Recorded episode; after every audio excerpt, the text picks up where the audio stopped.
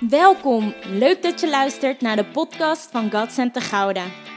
God Center Gouda is een jonge gemeente waar een ontmoeting met God centraal staat. Ons motto is Love God, Love People, Love Yourself. En deze week weer een inspirerende boodschap met Sifra Beks van Gustrand naar het beloofde land. Goedemorgen gemeente. Wat mooi om op deze tropische dag hier eh, met elkaar te zijn. Ik uh, heb niet eerder mijn eigen van meegenomen, het podium op. Maar gezien uh, deze hitte en uh, mijn toestand is dat wel zo handig. Wil ik niet straks omvallen. Nee hoor, dat gaat goed. We zitten midden in de vakantieperiode. En ik, hebben hier mensen vakantie nu? Of zijn alle mensen... Ja, er zijn mensen met vakantie. En ik ben ook eventjes benieuwd als je op de live chat meekijkt. Of je vanaf je vakantieadres kijkt, ja of nee. Uh, ja, dus als je van, vanaf je de chat kijkt. Super gaaf. Gaan er nog mensen op vakantie? Kijk, oh, dat zijn er. Uh, kijk, yes, Semia. Die is er erg aan toe zo te zien. Ja. Nee, hij doet helemaal zo. Supermooi. Nou, um, Javert en ik zijn eigenlijk nog op vakantie. Wij uh, hebben de afgelopen uh, twee weken zijn we uh, in Nederland op vakantie geweest, kamperen. En we staan nu ook nog op een camping. Dus wij zijn eventjes heen en weer en gaan nog lekker verder met vakantie vieren.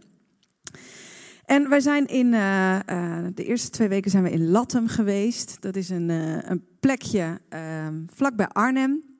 En uh, nou, wij zouden eerst naar Frankrijk gaan om daar uh, op vakantie te gaan, maar dat uh, ging vanwege de corona niet door. Dus we hebben in Nederland gezocht. Nou, waar zoek je dan op als je met een kind op vakantie gaat? Een zwembad, een mooie speeltuin, een strandje en that's it. Nou, dat hebben we dus ook gevonden in Latham. En we hebben daar uren met Noah aan een strandje gezeten. Het was daar een heel groot meer.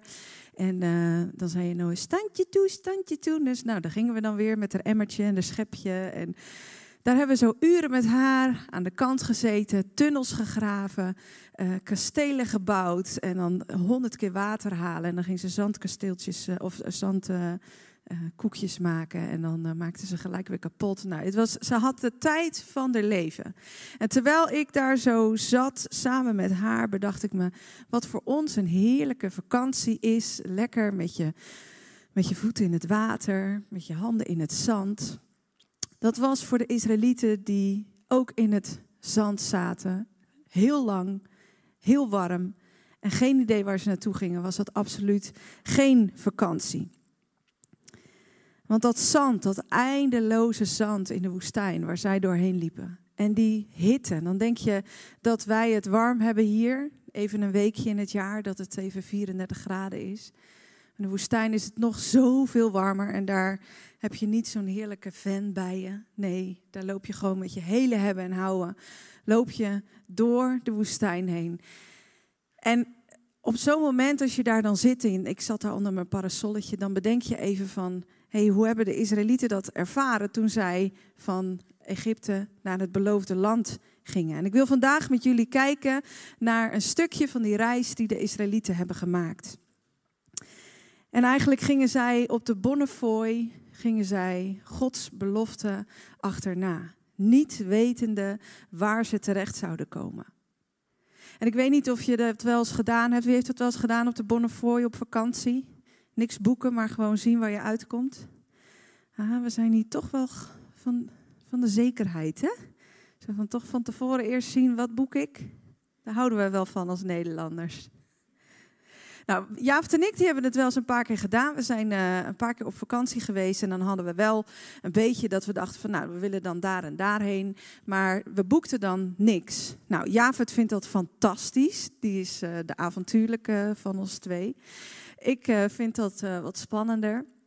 Maar we waren ook met een stel vrienden, dus dat scheelde wel. Dus dat als we dan ergens heen gingen, dan hielden wij ons als vrouwen een beetje afzijdig. En de mannen die gingen, dan, uh, die gingen dan onderhandelen. Maar wij zijn eens op vakantie geweest naar Marokko. En we hadden een auto gehuurd. Dus nou, we, we reden ons, ons rondje. En iedere keer vond ik het toch wel weer spannend op het moment dat we ergens naartoe reden. Dat ik dacht, waar zullen we terechtkomen? Zal er nog plek zijn? En moeten we niet uh, helemaal eerst de hele dag zoeken voordat we ergens uh, uh, terechtkomen? Ik hou gewoon wel een beetje van, van die zekerheid. Nou, op een gegeven moment waren we op een dag onderweg naar de woestijn. We zouden daar in de woestijn, het is echt prachtig daar, wilden we graag een nacht overnachten in de woestijn. En dan met zo'n kamelentour mee en dan onder de sterrenhemel slapen en dan de volgende dag weer terug. En we wilden daar nog een paar nachtjes gewoon blijven. En we komen daar aan en we dachten ergens dat het gewoon een plek was met heel veel resorts en heel veel mogelijkheden. Maar we kwamen daar aan en er waren er echt gewoon maar een paar. En het was super duur. Dus ja, we hebben echt de hele middag, ik weet niet of je het nog kan herinneren, ja, het rondjes gereden. En uh, nou, op een gegeven moment zijn wij als vrouwen niet eens met de auto uitgegaan. Dan lieten we hun gaan en ik zat in die auto. Ik denk, nee, we zitten midden in de woestijn. En het wordt al tegen het einde van de middag. Wat moeten we nou doen? Gaan we nog iets vinden? En uiteindelijk is het gelukt. Maar dat is wat de Israëlieten honderd keer erger hebben moeten ervaren. Die gingen op de Bonnefoy Gods woord achterna naar een plek die ze absoluut niet kenden. En voor ons was de route nog wel helder. Wij wisten gewoon weer over twee dagen gaan we naar de volgende plek. Maar zij wisten niet eens wat de volgende dag zou brengen.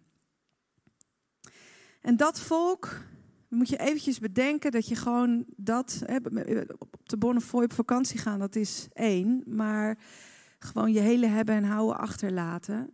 En de paar dingen die je mee kan nemen, meenemen. En dan ergens naartoe gaan wat voor jou onbekend is. En we reizen vandaag een stukje mee met het volk van Israël. Um, wat op dit moment, wat we zo gaan lezen, voor de Rode Zee staat. Die straks, wat we ook gaan lezen, open zal gaan. En is misschien wel het meest bekende verhaal uit de Bijbel. Ik kan me zo die plaatjes uit de kinderbijbel nog zo voor de geest halen. Dat je dan, uh, dat je dan die, die, die geweldige ja, tunnel eigenlijk ziet. En ieder kind, ieder, ieder mens kent dat verhaal. Maar daar willen we vandaag um, in gaan duiken. En we gaan straks eerst lezen uit Exodus 14. Uh, maar daarvoor wil ik uh, graag bidden. Vader, dank u wel voor, uh, voor deze ochtend, Heer. Dank u wel voor uw trouw. Dank u wel voor uw liefde. Heer, en dank u wel dat u al eeuwenlang dezelfde bent. Dat u altijd dezelfde bent geweest. Gisteren, vandaag en morgen. En dank u wel, Heer, dat we vanuit dit verhaal, Heer, wat zo wonderlijk is en zo bijzonder is. Dat we vanuit dat verhaal mogen leren wat het betekent om u te vertrouwen. En wat het betekent om ja, onze zekerheden misschien los te laten en u achterna te gaan naar het land wat u met ons voor ogen heeft. Heer, wilt u uw woord openen deze ochtend? Heer, als we het lezen, Heer, wilt u ons openbaring geven, Heer, een verdieping, Heer, in onze relatie met u. En we danken u, Heer, dat we deze ochtend zo met elkaar mogen zijn. Kom met uw Heilige Geest, Heer, en vervul ons en help ons om dichter naar u toe te groeien. In Jezus' naam. Amen. We lezen Exodus 14, vers 19 tot 31.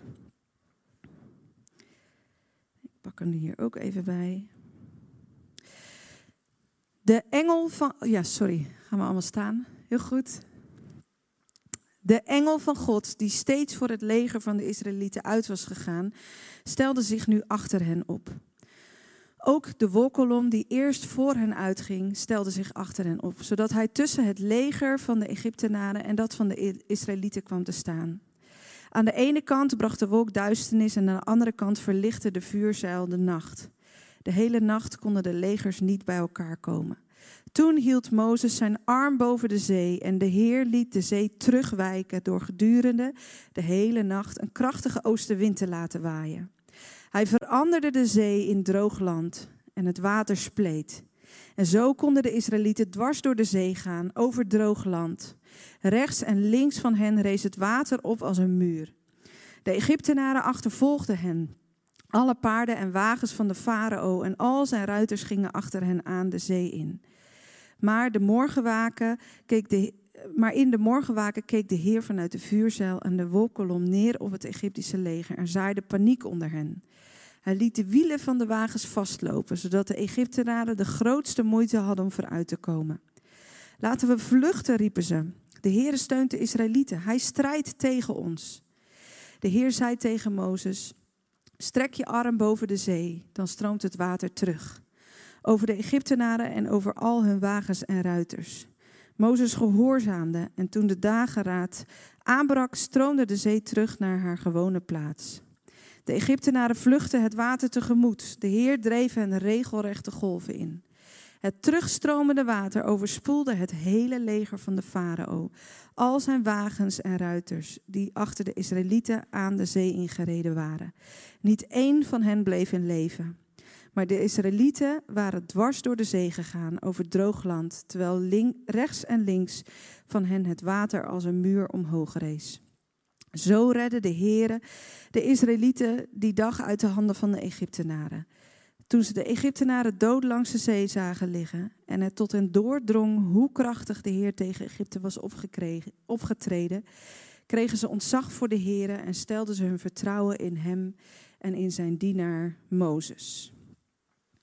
Tot zover. Ga lekker zitten. Dat ga ik ook doen.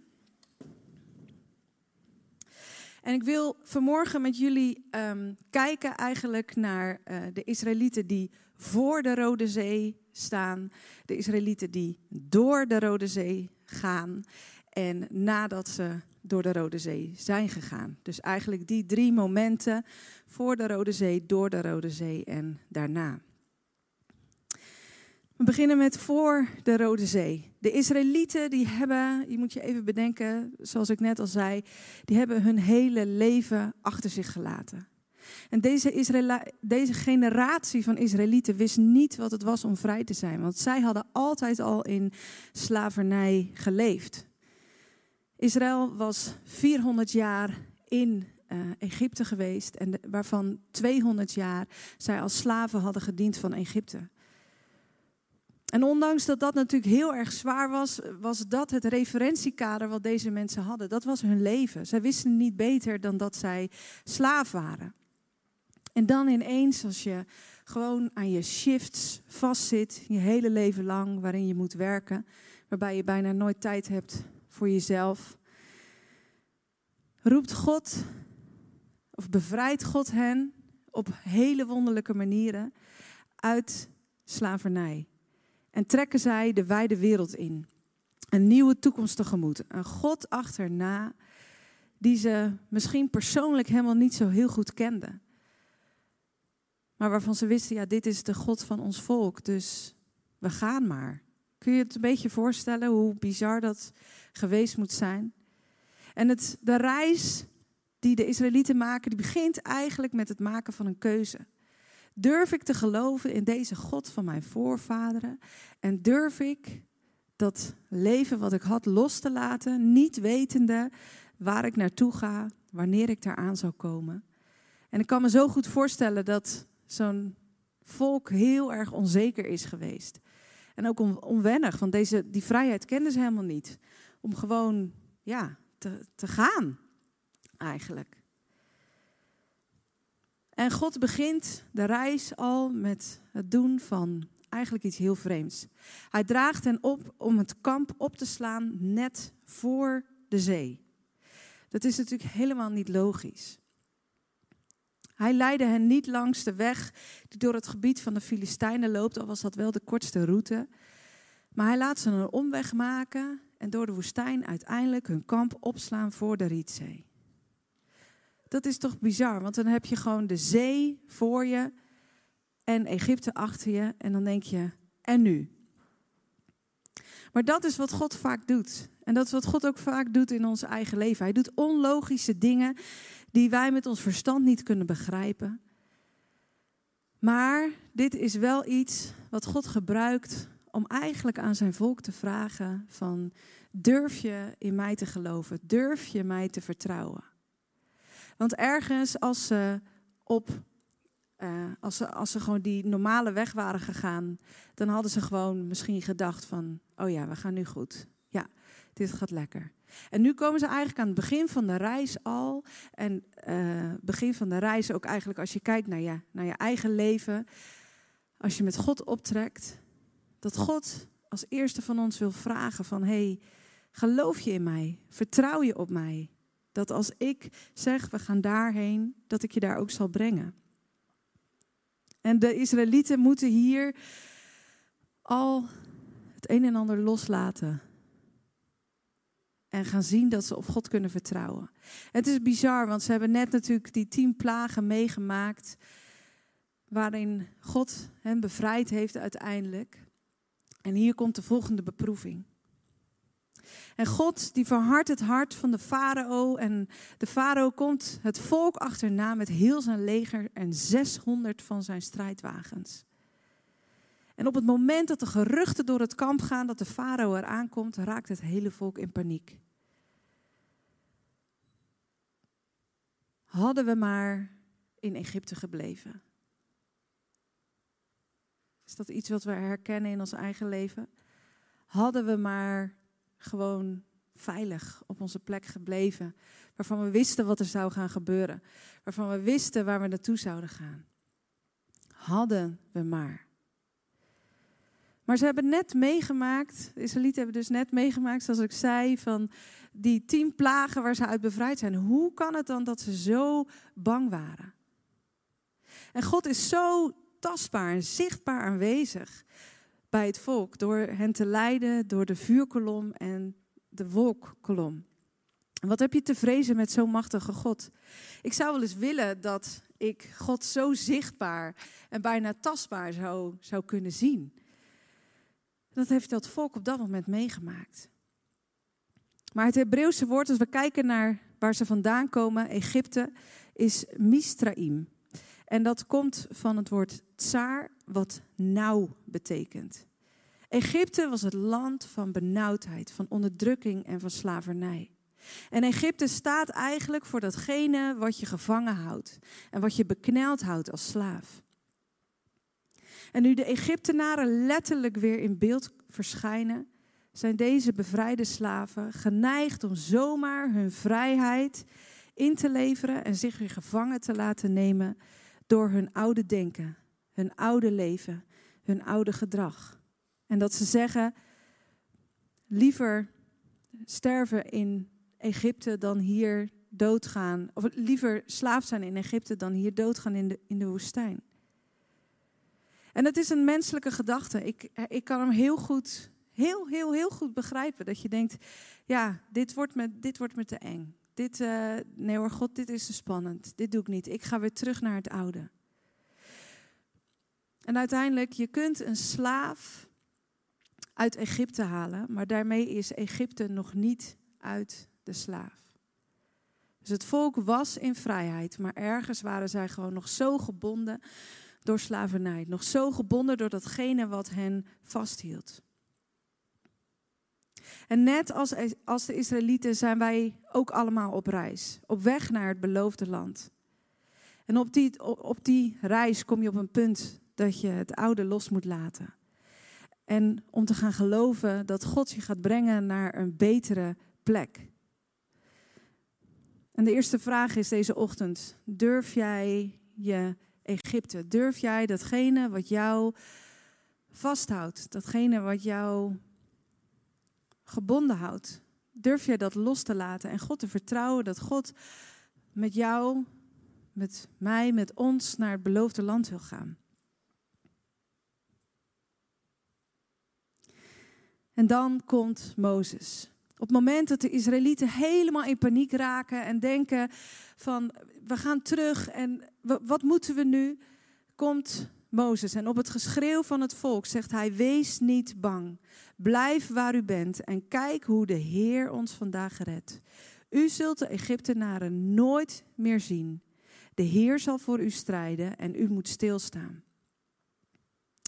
Dat is niet echt de manier waarop wij normaal op problemen reageren. We zijn geneigd om gelijk te zoeken naar oplossingen en uitwegen en alternatieven.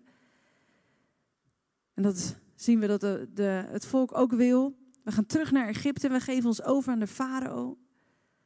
Maar nee, God zegt hier: Ik wil dat jij stil bent en dat je zult zien dat ik voor jou strijd. Ik wil dat jij ehm, dat je je overgeeft en dat je de situatie waarin je zo bekneld zit tussen het leger en de zee, dat je die loslaat. En ik heb even gekeken, de dikke van Dalen zegt over het woord loslaten in vrijheid stellen. Of met rust laten en zich er niet langer druk om maken. En dat is hetgene wat loslaten doet. Het stelt je in de vrijheid en het maakt dat je je niet langer druk hoeft te maken over de problemen die op je afkomen. En dat is hetgene wat God wil doen in het leven van al die Israëlieten, maar ook in ons leven. Hij wil voor ons strijden, zodat wij mogen leven in vrijheid en ons niet langer druk hoeven maken. Bijzonder hè, dat hij tegen het volk zegt, jullie moeten stil zijn. En je zult zien dat ik voor je strijd. En wij weten vervolgens hoe het verhaal verder gaat. Dat de Heer dat enorme grote wonder gaat doen door die zee te splijten. Maar het volk staat op dat moment nog steeds voor een dichte zee voor hen. En de farao met al zijn strijdwagens achter hen. De Israëlieten wisten dat nog niet. Mozes zei: Pak je spullen op en ga op weg. Trek verder. En dat is bizar. Wij weten dus hoe het gaat, maar op dat moment was het weer voor de Israëlieten een keuze. Oké, dit is echt heel bizar. We staan voor die zee en Mozes roept ons nu om onze spullen op te pakken en verder te trekken. Verder te trekken, waarheen dan? Mozes had gezegd: God zal jullie bevrijden. Jullie hoeven zelf niks te doen. Ze hoefden alleen maar te geloven en vertrouwen dat God zou doen wat Hij heeft beloofd. En dat is wat God vandaag ook van aan jou, aan mij, aan ons vraagt. Geloof je dat ik jouw redder ben? Geloof je dat ik jou bevrijden kan? En geloof je dat ik voor jou strijd? En dat je zelf helemaal niets hoeft te doen. En eigenlijk naast het grote wonder wat er gebeurt op het moment dat die zee splijt, gebeurt er nog een heel groot wonder in de harten van de Israëlieten. Er wordt geloof en vertrouwen geboren in de harten van het volk. Er wordt met elke stap en elke actie die zij doen, wordt stuk voor stuk meer Egypte losgelaten en achtergelaten.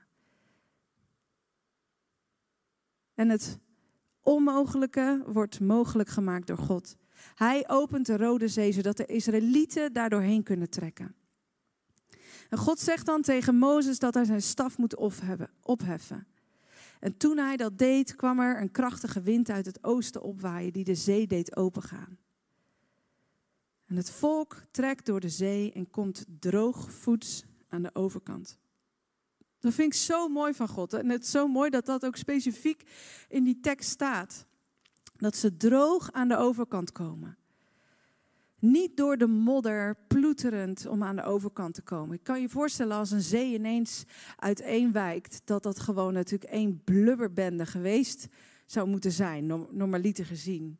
Met overal zeewier en, en koraal, weet ik veel wat er allemaal op de bodem van de zee daar geweest moet zijn. Maar er staat dat het volk droogvoets aan de overkant kwam. En God wil niet, als Hij ons, als hij ons ehm, ehm, meeneemt en als Hij zegt van we gaan naar een nieuwe plek en ik wil, ik wil jou leiden, dan wil God niet dat wij moeten ploeteren. Dan wil hij niet dat we door het zeewier of door, door de modder met, onze, met ons hele hebben en houden moeten gaan. Nee, dan zorgt hij dat wij droogvoets aan de overkant komen. En wanneer de laatste persoon zijn voet aan wal zet, steekt Mozes zijn staf omhoog en de zee gaat weer terug. Met de farao en heel zijn leger die onder het water worden bedolven. En de farao en zijn leger, dat staat eigenlijk voor de duivel. Het staat voor alle krachten en machten die ons als mensen onze vrijheid kunnen ontnemen en ons gevangen houden en in de boeien slaan. Het kan zijn angst, twijfel, verdriet, dingen die je hebt meegemaakt, dingen die je zijn aangedaan. En dat zijn dingen die we normaal gezien misschien proberen te verdringen. Maar dat lukt niet, want ze blijven ons achtervolgen. Maar er staat dan zo mooi. En de Heer dreef ze regelrecht de golven in. En er volgt dan, niet één van hen bleef in leven. Niet één van hen. Niet één van al die dingen waar wij misschien al jaren mee rondlopen, waar we mee strijden. Niet één van die dingen hoeft onderdeel van ons leven te blijven. En het mooie is dat op het moment dat de, dat de zee dus dicht gaat en alle Egyptenaren allemaal verdol, ver, ja, bedolven worden onder het water, dat daarmee gewoon letterlijk Egypte achter hen wordt gelaten. En dat is hetgene wat God ook wil doen in jou en in mijn leven.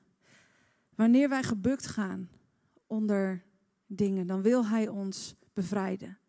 En dat is niet iets, wat hebben we gelezen, dat is niet iets wat we zelf hoeven doen. Want in dit gedeelte staat, God strijdt voor ons. En wij mogen stil zijn.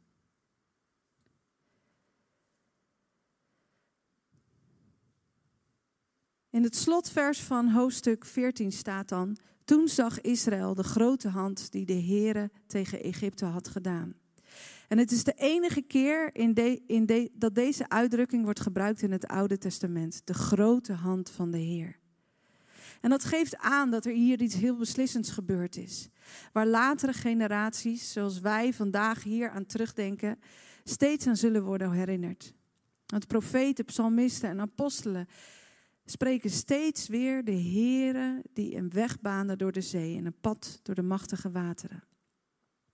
En daarna staat de zin, zij kregen ontzag voor de Heere en stelden hun vertrouwen in Hem en in Mozes zijn dienaar. En dat was precies waar de Heer op uit was door dit alles.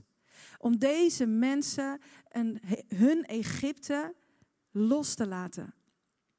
En hun te leren dat ze geen slaven meer zijn. En dat is wat God jou en mij in ons dagelijks leven wil leren. We zijn geen slaven meer van datgene wat ons vasthoudt, waar we onder gebukt gaan. We mogen leven in vrijheid, het beloofde land tegemoet. Mooi hè, dat je zo ziet dat het volk eerst zei van nou laten we ons maar overgeven aan, aan de Egyptenaren. En vervolgens dat ze zeggen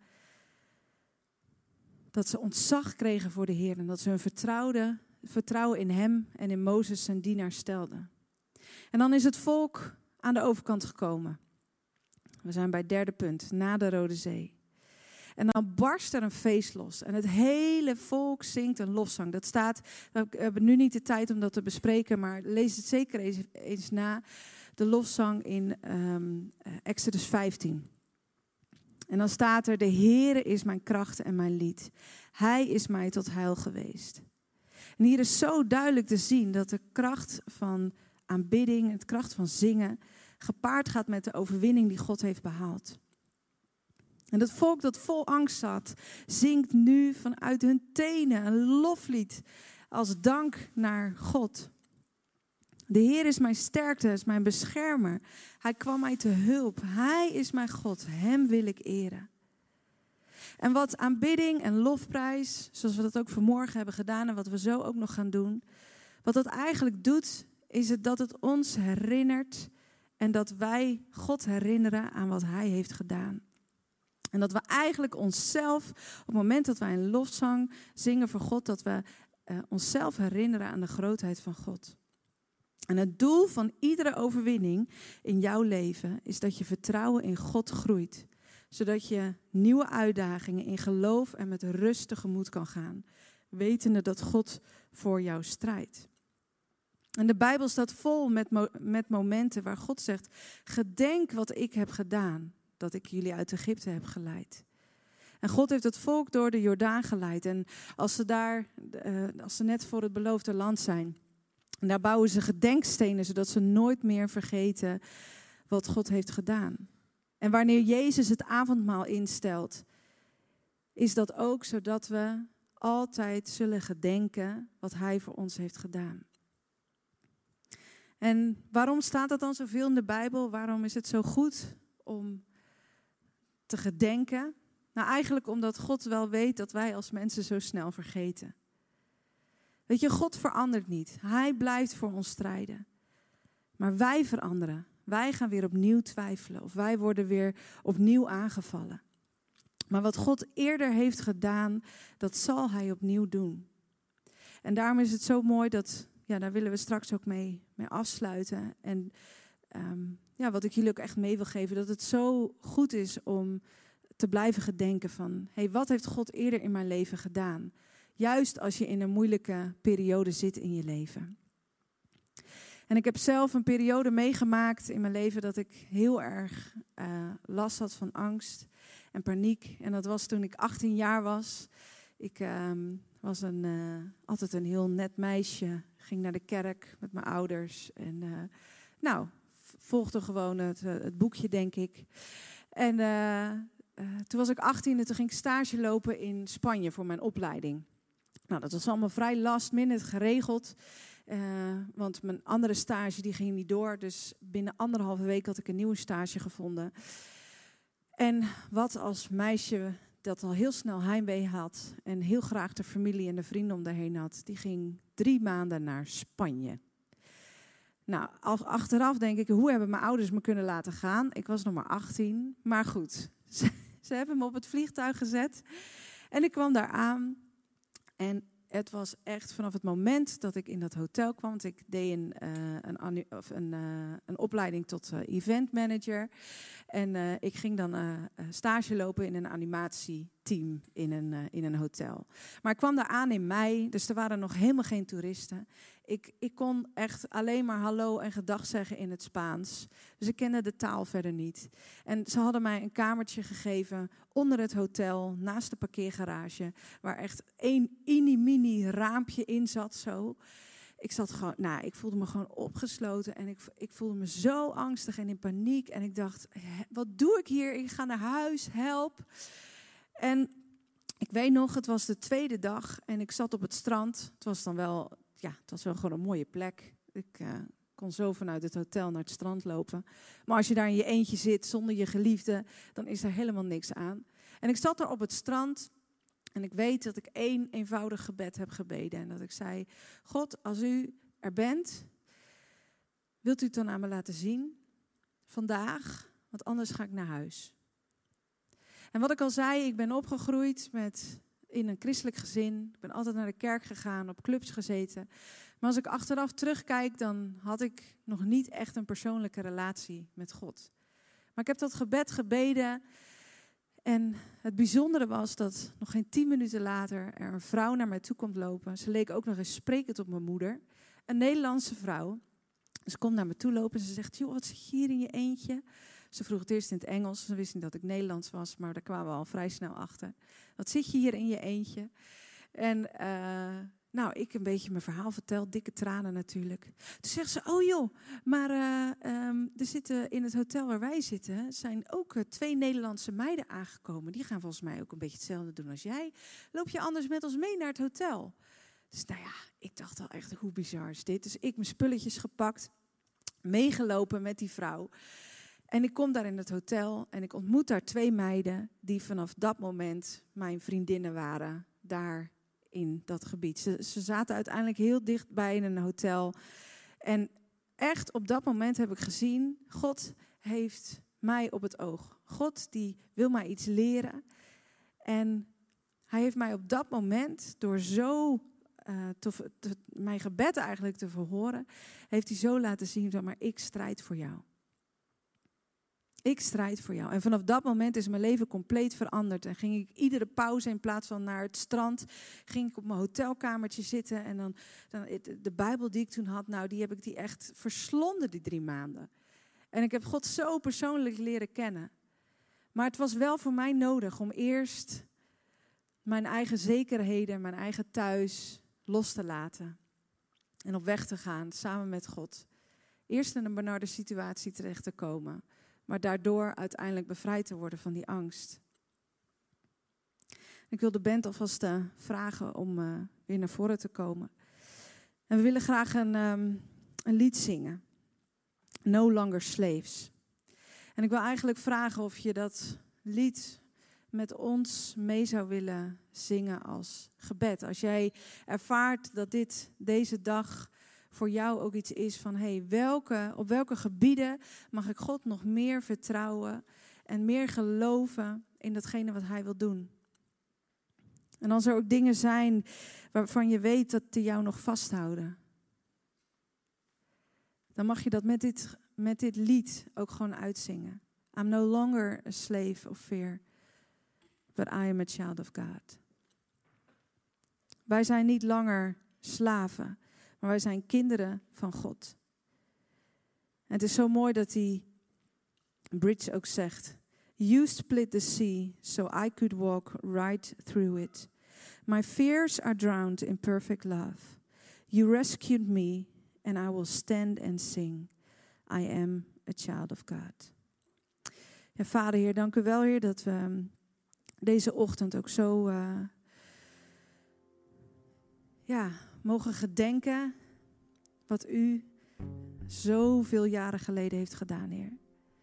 Heer, dat u een volk van duizenden en duizenden mensen heeft bevrijd. Heer, op een manier die wij niet snappen en die helemaal niet logisch is.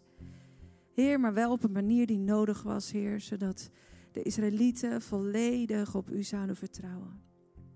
En Heer, daar waar wij zelf in ons leven misschien ook zo vasthouden aan onze eigen zekerheden, aan de dingen die we gewend zijn. En misschien ook wel gebukt gaan onder dingen die ons vasthouden, maar wat we liever maar voor ons houden. Heer, zegt u vandaag, ik wil jou bevrijden. Ik wil voor jou strijden. En ik wil dat jij stil bent, zodat je zult zien dat ik jouw God ben.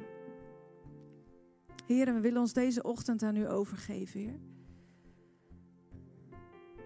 Heer, we willen datgene afleggen wat we zelf niet vast kunnen houden, Heer. We hopen dat deze boodschap je geïnspireerd, geactiveerd en gemotiveerd heeft in je wandel met God. Deel deze boodschap ook op je socials, zodat vele anderen met jou hierdoor geïnspireerd mogen worden. Ontmoeten we elkaar snel een keer in een van onze diensten? Zondag om half tien of om kwart voor twaalf in God Center Gouda.